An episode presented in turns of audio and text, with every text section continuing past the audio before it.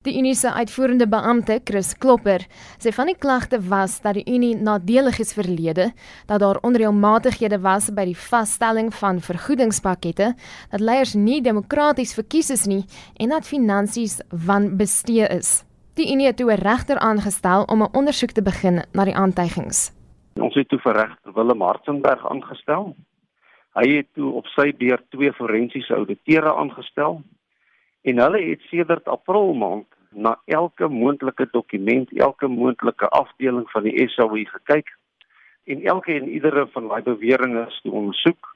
Maar hulle het bevind dat ons doen meer in terme van korporatiewe beheer en finansiële dissipline as wat die wet op arbeidsverhoudinge of wat in terme van ons grondwet vereis word. Die teendeel van alle klagte is tydens die ondersoek bewys. Intussen is daar gerugte dat selfs die valke genader is om die unie te ondersoek. Volgens Klopper is hulle nie hiervan bewus nie. As daar so 'n ondersoek van die valke aan die gang is, sal ons almal gee en sal ons volledig met die ondersoekbeampte gesprek voer. Ons sal die verslag van regter Hartzenberg en die forensiese auditeure van hulle gee en ons is oortuig dat daar sal nie 'n probleem wees. Maar daar is nog so 'n saak of twee wat ons moet oplos want die smeerveld gaan nog steeds aan Diegene wat deel is van die sogenaamde smeerveld tog het intussen beëdigde verklaringe afgelê.